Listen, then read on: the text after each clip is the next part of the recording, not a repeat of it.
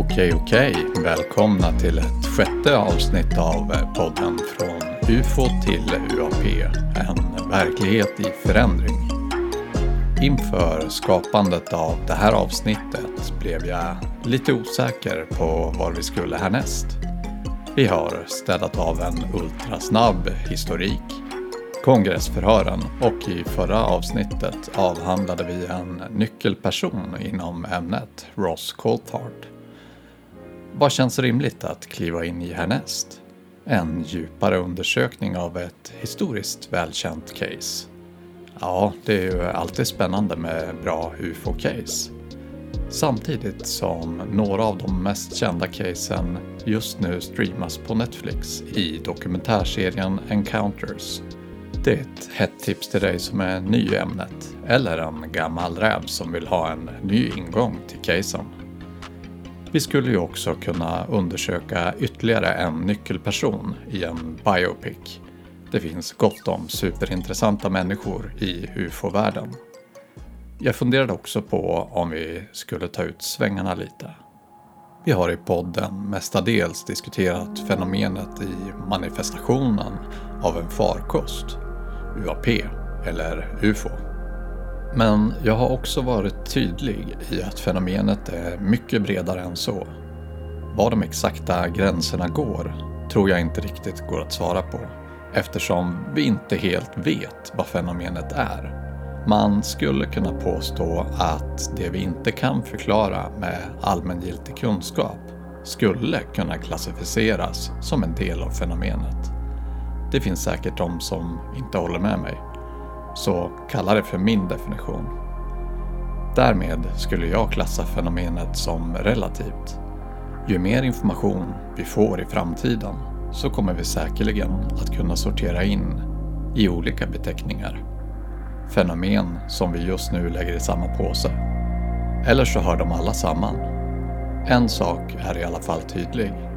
Det finns en oerhörd variation och de alla har en plats i vår fysiska eller mentala verklighet.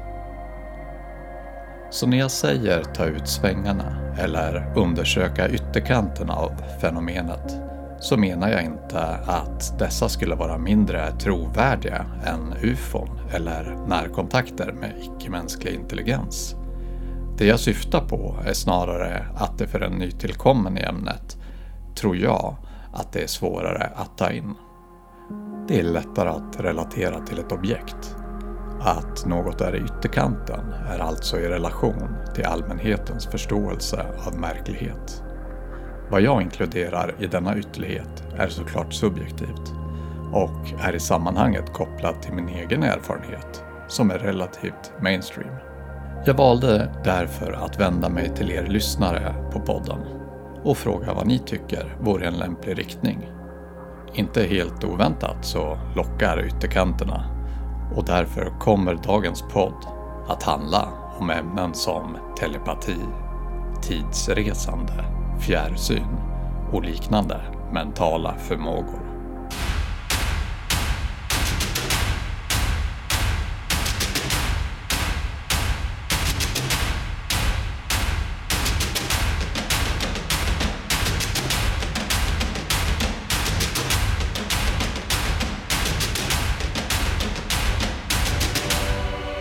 Denna typ av förmågor kopplas ofta ihop med fenomenet i stort. Det finns gott om överlappningar mellan människor som upplever närkontakt och samtidigt kan mästra förmågor som gemene man inte kan. Hur närmar man sig då detta ämne? Finns det någon organisation som har tittat på ämnet? Kanske till och med forskat på det? Kan det till och med finnas myndigheter som har undersökt detta Ursäkta? Va? Amerikanska myndigheter? CIA? Hemligt program? Det menar du inte? Låt mig presentera programmet. Project Stargate. Givetvis så har amerikanska myndigheter ett finger med i spelet. Självklart har CIA ett program med syfte att bedriva utveckling och forskning inom telepati och fjärrsyn.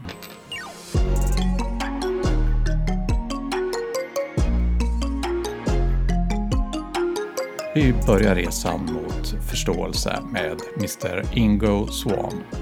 Ingo Swan föddes den 14 september 1933 i en stad som heter Montrose som ligger i delstaten Colorado i USA. Hans tidiga liv och uppväxt är relativt väldokumenterade. Han föddes i en familj med tyska rötter, där Ingo var den äldsta av tre barn i familjen. Swan visade tidigt intresse för konst och kreativitet.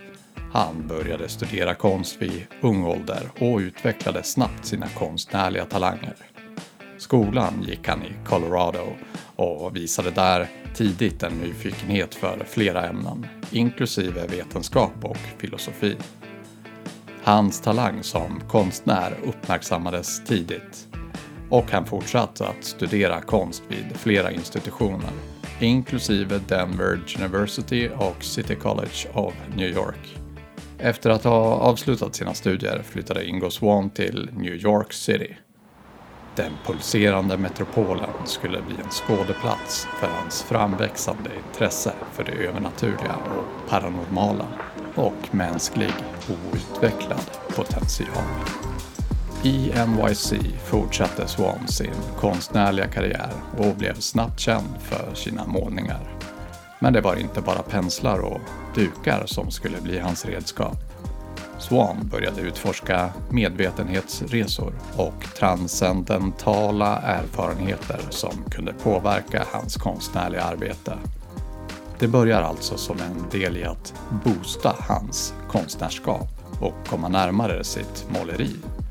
Men det leder till mer än så.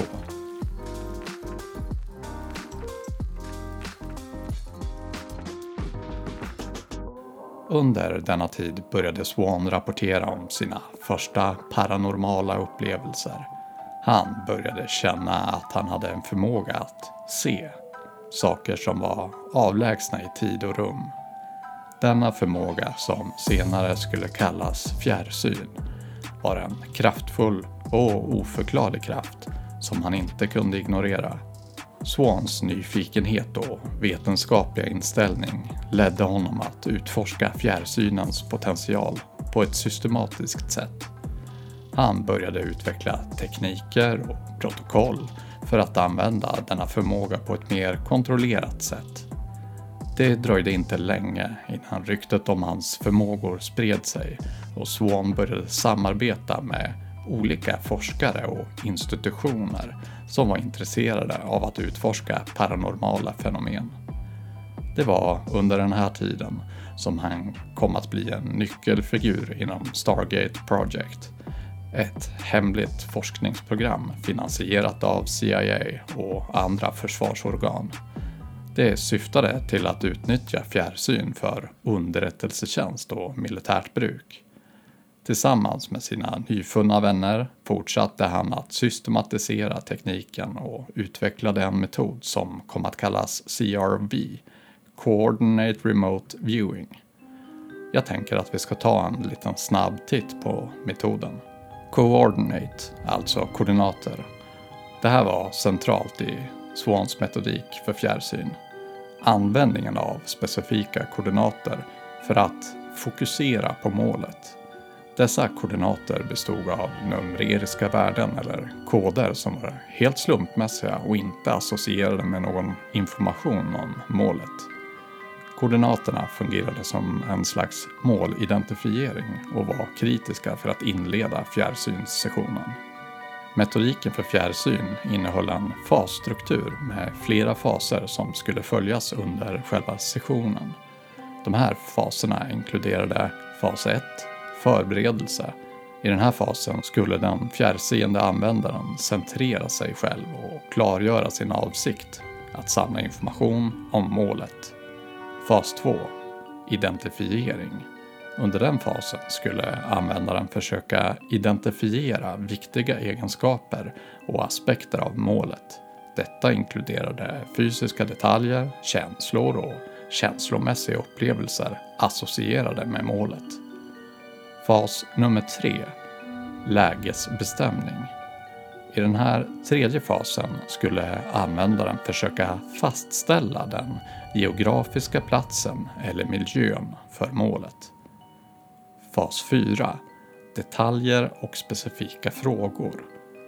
Under denna fas skulle användaren granska målet mer detaljerat och svara på specifika frågor som var relevanta för målet. Slutligen skulle användaren summera all information som hade samlats in under sessionen. Den tredje punkten som Ingo Swan och hans kollegor utvecklade kallade de för strukturerade protokoll. Detta för att guida användarna genom varje fas av fjärrsynssessionen. De här protokollen var utformade för att minimera subjektiva tolkningar och följa en strikt metodik. Den fjärde delen handlade om eftersessionsanalys. Efter varje fjärrsynssession skulle en noggrann analys genomföras för att utvärdera och tolka den samlade informationen. Denna analysprocess var viktig för att extrahera meningsfull information från den samlade datan. Den här metodiken användes inom forskningsprojekt som Stargate Project och har även använts inom militära och underrättelseändamål.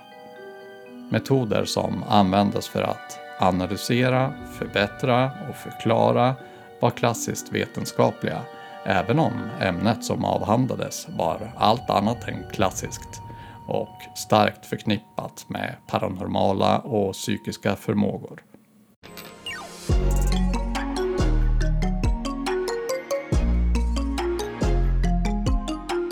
Trots stigmat ansågs det vara en mycket användbar metod inom underrättelsetjänsten för att samla in och analysera, ja, helt enkelt spionera på avlägsna platser och händelser. Här finns såklart många likheter med UFO-programmen. Hela programmet var givetvis topphemligt och när det på 90-talet avklassificerades såg man till att sprida löjeskap och stigma kring ämnet. Det säger sig själv att en underrättelseorganisation inte gärna skyltar med det breda användandet av denna teknik. Och det är kanske ingen dum gissning att det här programmet, likt UFO-programmen, inte avslutades så som man påstår, utan bytte namn och finns än idag. Sedan offentliggörandet av Stargate-programmet har fjärrsyn och dess metodik fortsatt att vara föremål för kontrovers och debatt inom den vetenskapliga gemenskapen. Ingo Swan anses vara en av de mest framstående personerna inom forskningen om fjärrsyn. Under sin karriär uppnådde han flera framgångar inom det här området som gjorde honom världskänd i forsknings och underrättelsesammanhang. Som vi nämnde tidigare var han en pionjär inom utvecklingen av fjärrsynsmetodik. Han skapade och raffinerade en strukturerad metodik som blev känd som CRB. Metodiken användes och används kanske fortfarande för träning av fjärrseende agenter och guidar deras förmåga att samla in information om avlägsna platser och händelser. Ingo Swan var medgrundare i Stargate Project där han själv blev den första agenten med detta uppdrag som anlitades inom projektet. Inom projektet lyckades Swan använda sin fjärrsynsförmåga för att spåra och beskriva avlägsna mål med förbluffande precision. Detta inkluderade att rita detaljerade bilder, beskriva fysiska egenskaper, atmosfäriska förhållanden och till och med aktiviteter som ägde rum på helt andra platser. Hans förmåga användes flitigt för att samla in underrättelser om hemliga anläggningar, fientliga mål och andra avlägsna platser som var av intresse för underrättelsetjänsten. Hans förmåga att producera precisa målbeskrivningar var ett viktigt bidrag till projektets mål. Ingo Swans framgångar inom Stargate Project blev officiellt bekräftade när CIA och andra myndigheter avklassificerade dokument och rapporter som visade på projektets arbete och resultat. Detta ledde till en bredare allmän medvetenhet om fjärrsyn som en del av underrättelsesamfundets arbete. Swans arv inom forskningen om fjärrsyn fortsätter att diskuteras och utvärderas och hans framgångar är en viktig del av den bredare diskussionen om gränserna för mänskliga psykiska förmågor. Ingo Swan var inte bara känd för sina fjärrsynsförmågor och deltagande i forskningsprojekt. Han var även en författare som bidrog till litteraturen inom ämnen som fjärrsyn, paranormala fenomen och medvetandets natur. Jag tänkte att vi snabbt bara ska gå igenom några av de mest kända böckerna och vad de handlar om. Jag tycker det bidrar till att förstå bredden av hans förmågor. Den första boken, och troligen hans mest kända, heter To Kiss Earth Goodbye och utgavs 1975. Den kan betraktas som hans memoarer. Boken redogör för hans tidiga år, konstnärliga karriär och hans intresse för fjärrsyn och paranormala fenomen och hur de utvecklas. Swan delar också sina tankar om mänsklighetens plats i universum och spekulerar om möjlig kontakt med utomjordisk intelligens. Den andra boken, Your Nostradamus Factor, utgavs 1993 i den här boken undersöker Swan ämnet för mänsklig intuition och hur den kan användas för att förutsäga framtiden. Han presenterar olika metoder och övningar för att utveckla och förbättra ens innovativa förmåga. Här måste jag bara lägga in en liten egen reflektion som jag spontant kom att tänka på kopplat till den här boken. Jag läste någon intervju för några dagar sedan men jag kan inte minnas på rak arm vem det var med. Där presenterades i alla fall bland annat ett experiment kring intuition som hade genomförts med vanlisar. Alltså inte människor som utger sig för att ha någon speciell förmåga. Experimentet gick ut på att testpersonen satt framför en telefon och när det ringde på telefonen skulle personen koncentrera sig och försöka förutsäga vem det var som ringde. Detta testades med grupper av personer som testpersonen kände, uppblandat med främmande människor. Samtliga testpersoner hade mycket goda chanser att förutsäga när det var personer som de kände som ringde. Alltså, de svarade rätt på vilket namn, vem som är på andra sidan innan de lyfte luren. Men när det ringde för dem okända människor hade de samma resultat som de matematiskt borde ha haft. Resultatet var slående. Jag törs inte gå in på procentsatsen nu eftersom jag inte vill ljuga och minns inte exakt. Men det var en klar och tydlig majoritet i att korrekt identifiera inte bara samtal från gruppen de kände utan också vem i gruppen som ringde det fanns alltså otvetydigt en mental aspekt som påverkade och kunde avgöra vem som fanns på andra sidan luren. Men låt oss fortsätta med de olika böckerna Swan har skrivit. Den tredje boken jag vill lyfta heter Psychic Sexuality The Biopsychic Anatomy of Sexual Energies. Den gavs ut 1999 i denna bok utforskar Swan kopplingen mellan sexualitet och paranormala fenomen. Han diskuterar teorier om hur sexuell energi kan påverka och användas i psykiska upplevelser och fjärrsyn. Den fjärde boken, som jag hoppas inte anspelar på den tredje, heter Penetration. The Quest of Extraterrestrial and Human Telepathy och gavs ut 1998 i denna bok diskuterar Swan sina upplevelser av att ha blivit involverad i ett underrättelseprojekt. I denna bok diskuterar Swan sina upplevelser efter att i denna bok diskuterar Swan sina upplevelser av att ha blivit involverad i ett underrättelseprojekt. Varför kan jag inte säga projekt? I denna bok utforskar Swan kopplingen, nej, i den här boken diskuterar Swan sina upplevelser av att ha blivit involverad i ett underrättelseprojekt som involverar möten med utomjordiska varelser. Han utforskar idén om telepatisk kommunikation med utomjordingar och försöker kasta ljus över dessa upplevda händelser. Den femte boken och jag ska inte tråka ut er. Det här är den sista, men jag tycker att det är intressant att gå igenom de här böckerna. För det finns säkert de där ute som vill läsa någon av dem. Men den femte boken heter då Natural ESP Unlocking the Extrasensory Potential of the Mind och gavs ut 2001. Här utforskar Swan ämnet extrasensorisk perception, ESP, och hur man kan utveckla och förstå sina egna psykiska förmågor. Boken innehåller övningar och tekniker för att utforska ESP och öppna upp för den mänskliga sinneskapaciteten. Ingo Swan avled den 31 januari 2013 vid 79 års ålder. Hans död är inte omgiven av några mystiska omständigheter utan det var en helt naturlig bortgång.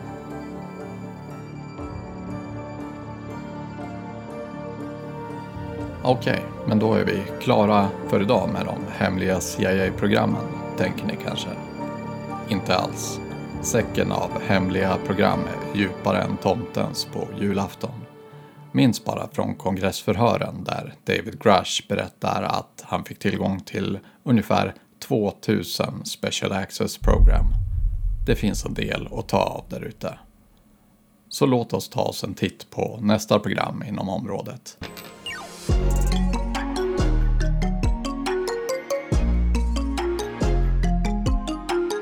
Project Pegasus.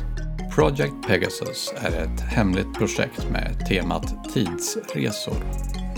Det ska ha inletts under 1960-talet någon gång av den amerikanska regeringen och involverat ett antal forskare och individer, inklusive Andrew D. Basiaggio som har berättat att han var en del av programmet som barn.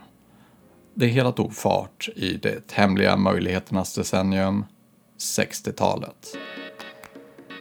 Under 1960-talet var den amerikanska regeringen involverad i en rad viktiga forskningsinitiativ och hade olika förhållningssätt beroende på de specifika omständigheterna och målen för varje program.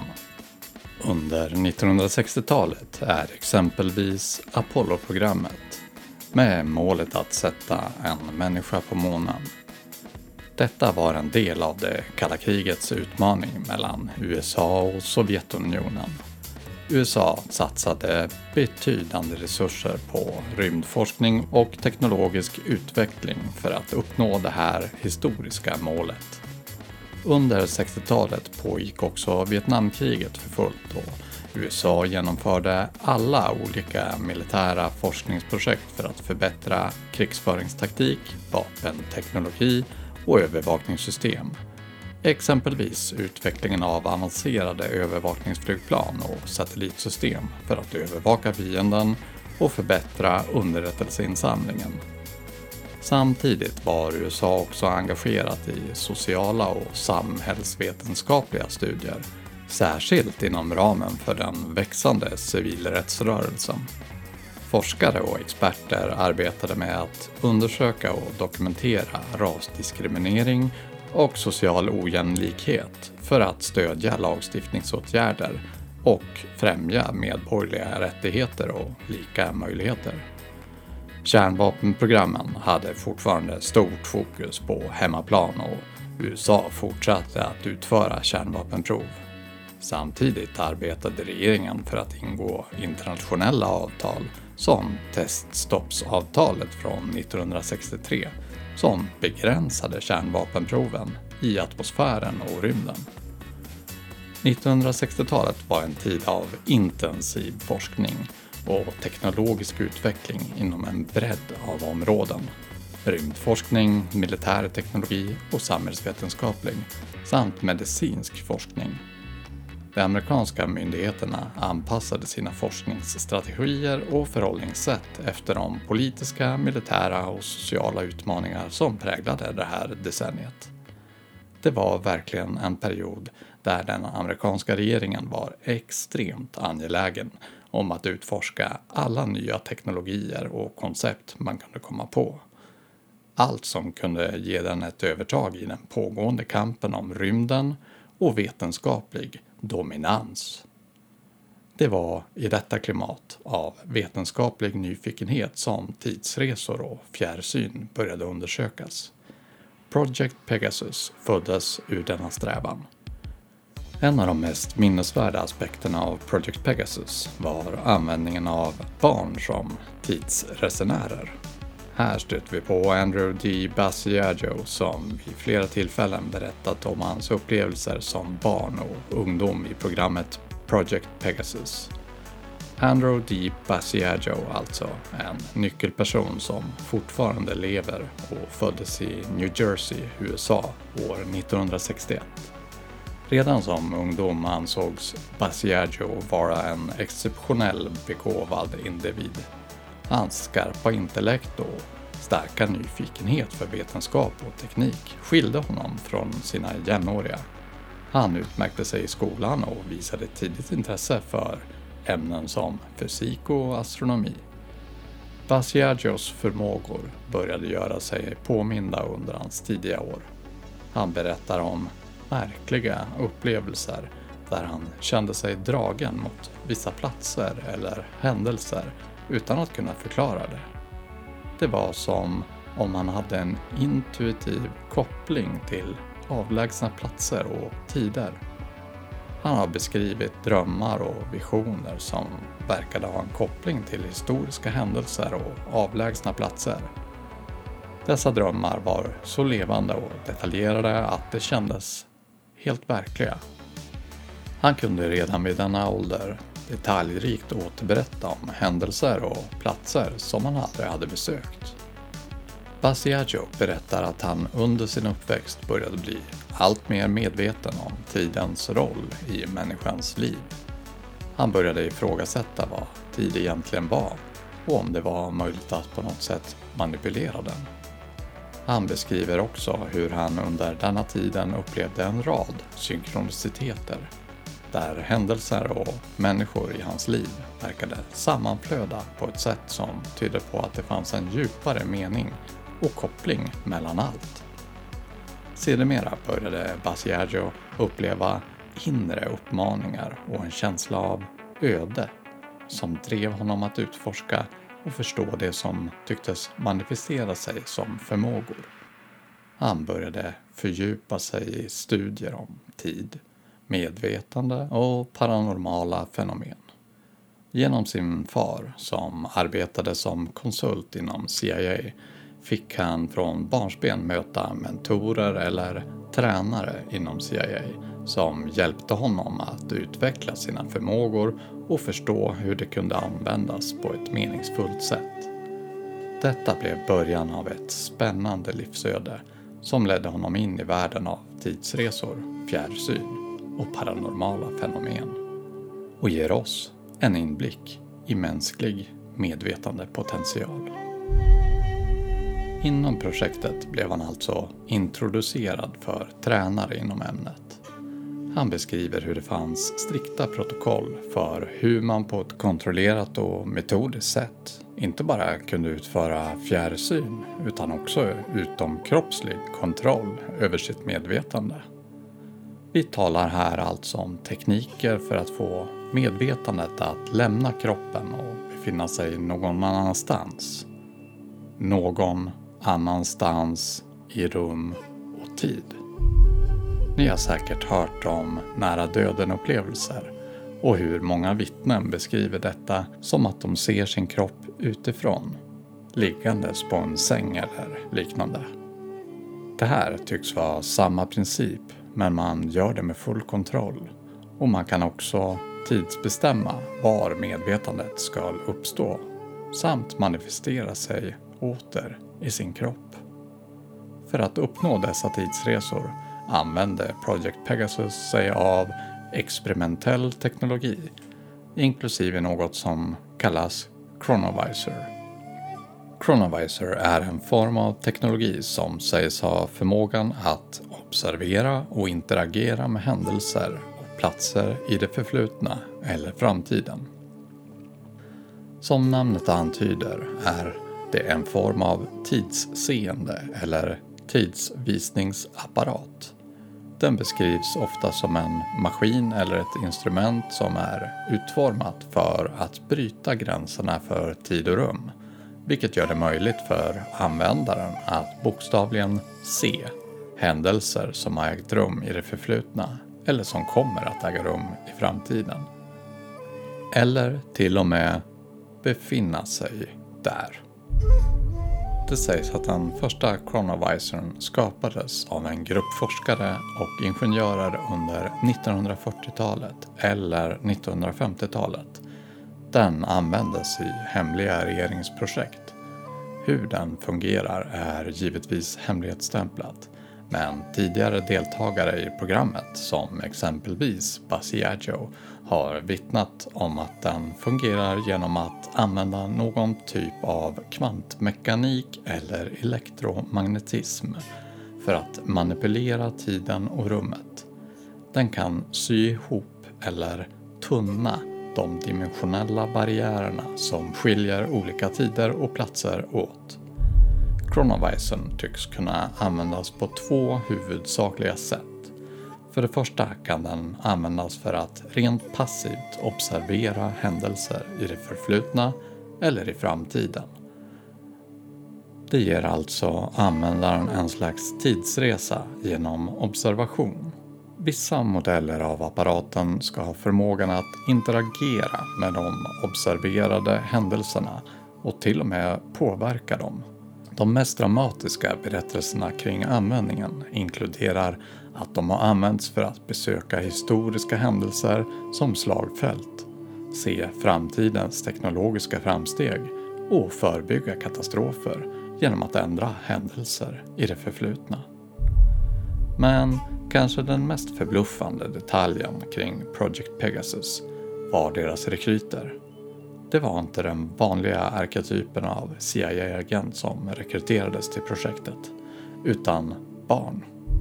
Barnen som ska ha deltagit i Project Pegasus är en central del av den kontroversiella berättelsen om detta hemliga forskningsprojekt. Enligt påståendena var dessa barn involverade i experiment som innefattade tidsresor och fjärrsyn. Vilka var barnen som ska ha deltagit i Project Pegasus? Ja, urvalet är en central del av att förstå projektets syften och metodik. Barnen som valdes ut ansågs vara begåvade och intelligenta. De hade visat exceptionella förmågor inom områden som matematik, vetenskap och konst. Deras intellekt och kreativitet ansågs vara nyckeln till att utforska och förstå de komplexa koncepten som projektet syftade till. Många av barnen gick redan i speciella skolor, sådana som USA länge har haft för extremt intelligent utmärkande barn. Utöver sina intellektuella förmågor ansågs barnen som valdes ut vara känsliga och intuitiva. Deras förmåga att uppfatta subtila signaler och energier var viktig för att lyckas med experimenten inom tidsresor och fjärrsyn. Barnen var oftast i åldrarna mellan 7 och 12 år. Den här åldersgruppen ansågs vara idealisk eftersom de var tillräckligt unga för att vara formbara och anpassningsbara samtidigt som de hade utvecklats tillräckligt med kognitiva förmågor för att delta i de komplexa experimenten. Urvalsprocessen inkluderade rigorösa tester och utvärderingar av barnens förmågor. De genomgick noggrant utformade tester som bedömde deras intelligens, intuition och kreativitet. Endast de barn som ansågs uppfylla projektets krav valdes sedan ut. Hela urvalsprocessen var omgiven av en sträng konfidentialitet och hemlighetsmakeri. Barnens familjer och vårdnadshavare blev sannolikt informerade om projektets hemliga natur och behovet av att hålla det tyst.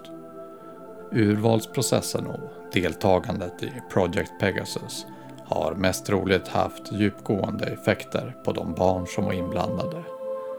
De blev en del av en extraordinär och hemlig värld av vetenskaplig forskning och teknologisk utforskning. Samtidigt som man kan hävda att ett barn som växer upp i en sån miljö och har för oss extremt onaturliga aktiviteter och upplevelser troligen anpassar sig och normaliserar det. Detta var troligen ytterligare en stor anledning till att använda just barn som ännu inte har skapat sin verklighetsuppfattning fullt ut.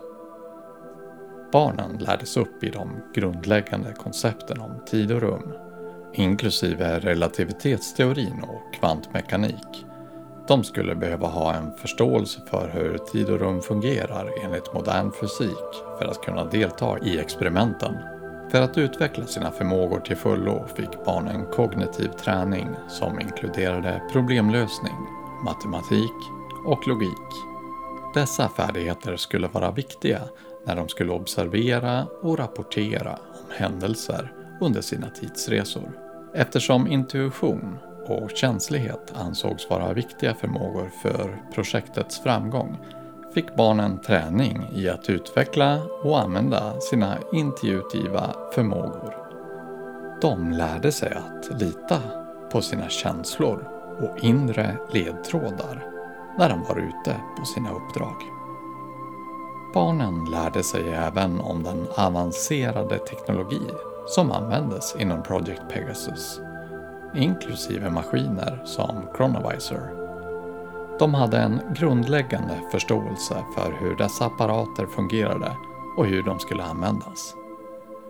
En stor del av barnens träning fokuserade på hur man observerar noggrant och rapporterar om händelser och platser som de besökte under sina tidsresor. Det var viktigt att de skulle kunna kommunicera sina upplevelser på ett detaljerat och korrekt sätt, då detta var hela outputen av projektet.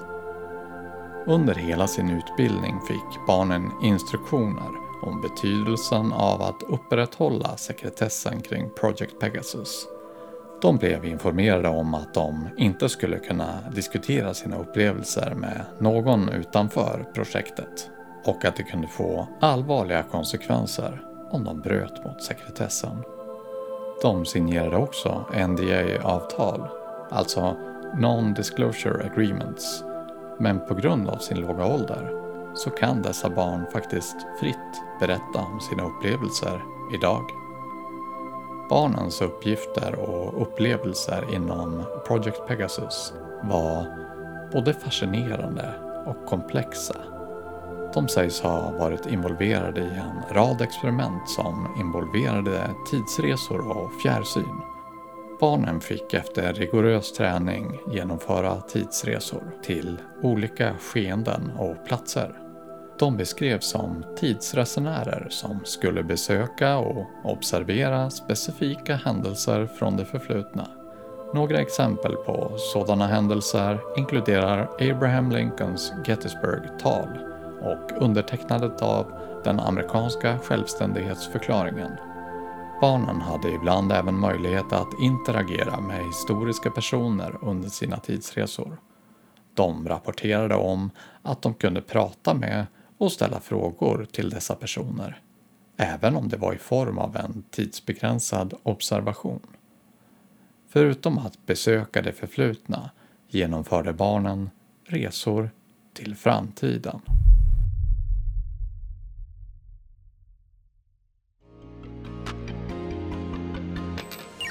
Därmed så tycker jag att vi bryter för idag. I del två av den här berättelsen som kommer ut nästa söndag kommer vi att få följa två stycken av barnen som var delaktiga i Pegasus och få höra deras berättelser om vad de upplevt. Jag för min del tycker att det har varit ett extremt spännande äventyr och är så glad för att du återigen har lyssnat på Från UFO till UAP Podcast som är en del av UAP Sweden. Glöm inte att följa podden på sociala medier vill du verkligen följa med på det senaste som händer i UAP-världen men orkar inte plöja igenom tusen tweets eller X för att göra det rekommenderar jag verkligen att följa mig på X. Där försöker jag retweeta mycket intressant som jag hittar i princip dagligen på ämnet och vägen mot disclosure.